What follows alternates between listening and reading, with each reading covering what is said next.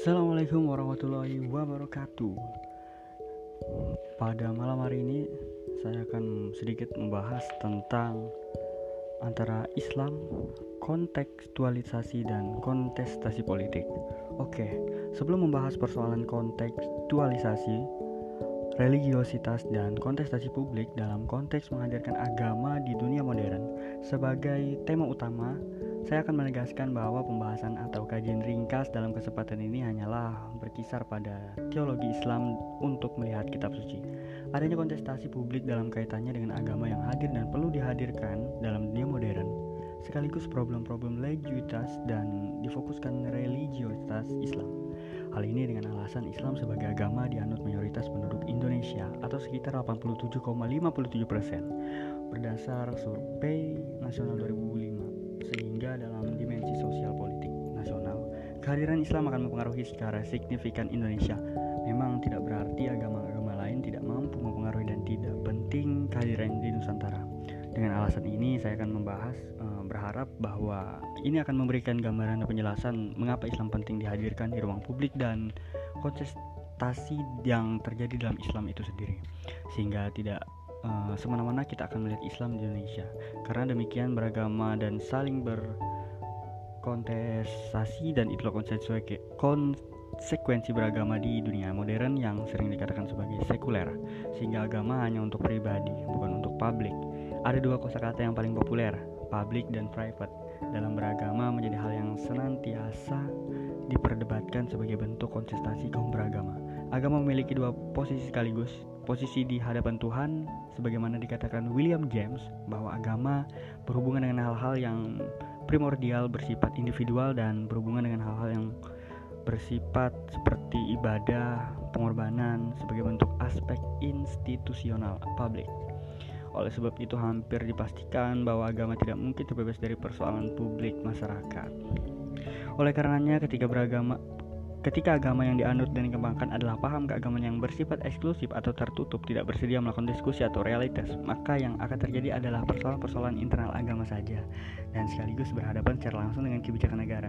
Misalnya yang terjadi antara paham keagamaan yang uh, di Indonesia sekelompok pendukung negara Islam akan berlawanan dengan kelompok pendukung negara kesatuan Republik Indonesia. Diskusi dan gerakan-gerakan radikal untuk mengubah dan mendorong Indonesia menjadi negara Islam adalah bukti bila paham keagamaan yang dihadirkan adalah yang eksklusif, maka yang akan berkembang berkembang adalah keinginan mendirikan negara Islam sementara Republik Indonesia menghendaki Pancasila sebagai dasar negara yang final. Dua dan ada dua ormas terbesar di Indonesia yaitu Muhammadiyah dan NU telah resmi mendukung Muhammadiyah pada 2002 di Yogyakarta, NU dan NU pada Muktamar 1989 di Jogja mendukung bahwa Pancasila sebagai dasar negara NKRI. Ada banyak persoalan yang harus menjadi perhatian ketika hendak menempatkan agama di ruang publik dunia modern, sekalipun dengan berbagai macam problem yang tentu saja tidak serta-merta akan terselesaikan. Ketika diskusi diarahkan pada pembedaan secara ketat mana yang dimaksudkan dalam wilayah publik dan mana yang dimaksudkan wilayah private. Apalagi ketika perkembangan masyarakat semakin menuju pada masyarakat yang individualistik, materialistik, ekonomistik dalam arti segalanya nyaris dihubungkan pendapatan yang akan diterima ketika beraktivitas uh, keenangan kelompok masyarakat terhadap agama, tetapi memilih jalan non agama dan berbagai persoalan kemungkinan sosial seperti korupsi, kebodohan, pencemaran lingkungan, uh, maka bagaimana ketidak maka bagaimana menghadirkan agama di ruang publik menjadi penting untuk dibicarakan. Jose Casanova pernah menyatakan bahwa diskusi tentang ruang publik agama sangat melelahkan sebab banyak pendapat yang menyatakan bahwa agama selalu dikaitkan dengan masalah private dan publik. Sebagai dampak dari sekularisasi ternyata tidak semudah kita membahas dalam sistem politik dan ekonomi. Hal ini karena agama sering dihubungkan dengan hal yang dinamakan dimensi kesucian yang dihubungkan secara langsung dengan wahyu, kitab suci dan kata-kata dari Allah atau Tuhan, Nabi dan Rasul Sementara dimensi sosial ekonomi tidak sangkut, tidak ada sangkut pautnya dengan Tuhan katanya.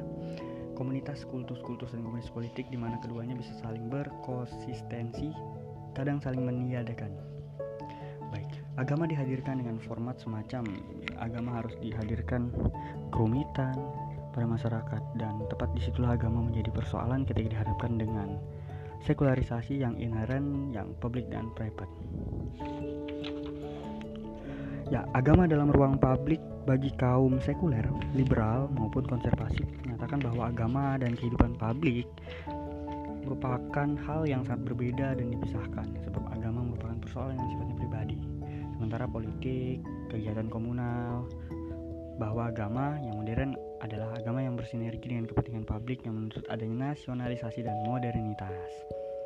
Sekalipun agama banyak dalilnya, tidak menghendaki adanya distorsi antara ajaran dan praktiknya.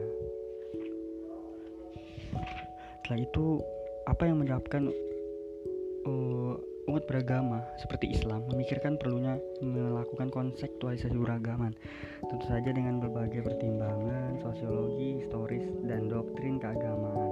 Namun demikian terdapat problem yang sangat keras terkait kontekstualisasi sebab ada tiga mazhab besar yang berkembang dalam tradisi keagamaan sampai saat ini. Ketiga mazhab tersebut adalah setuju dengan kontekstualisasi secara radikal, tidak setuju dengan kontekstualisasi karena agama sudah sempurna, tidak perlu ada pembaruan apalagi penyesuaian dengan zaman. Dan ketiga yang moderat dalam beberapa hal setuju dengan kontekstualisasi tetapi tetap berpegang pada kaidah, memegang sesuatu yang lama yang baik. Baik, untuk apa yang kita bahas hari ini bagaimana peran-peran agama dalam uh, konteks modernisasi. Jadi menurut saya agama tetap menjadi rambu-rambu atau tata tertib bagi orang untuk menjalani kehidupan. Adapun untuk masuk ke dalam dunia politik bisa saja terjadi pada dunia modern ini, tetapi tidak harus melakukan hal-hal seperti makar, atau bahkan mendirikan negara sendiri karena Nabi pun e, melarang bahwa kita untuk menentang Amirul Mukminin kita sendiri.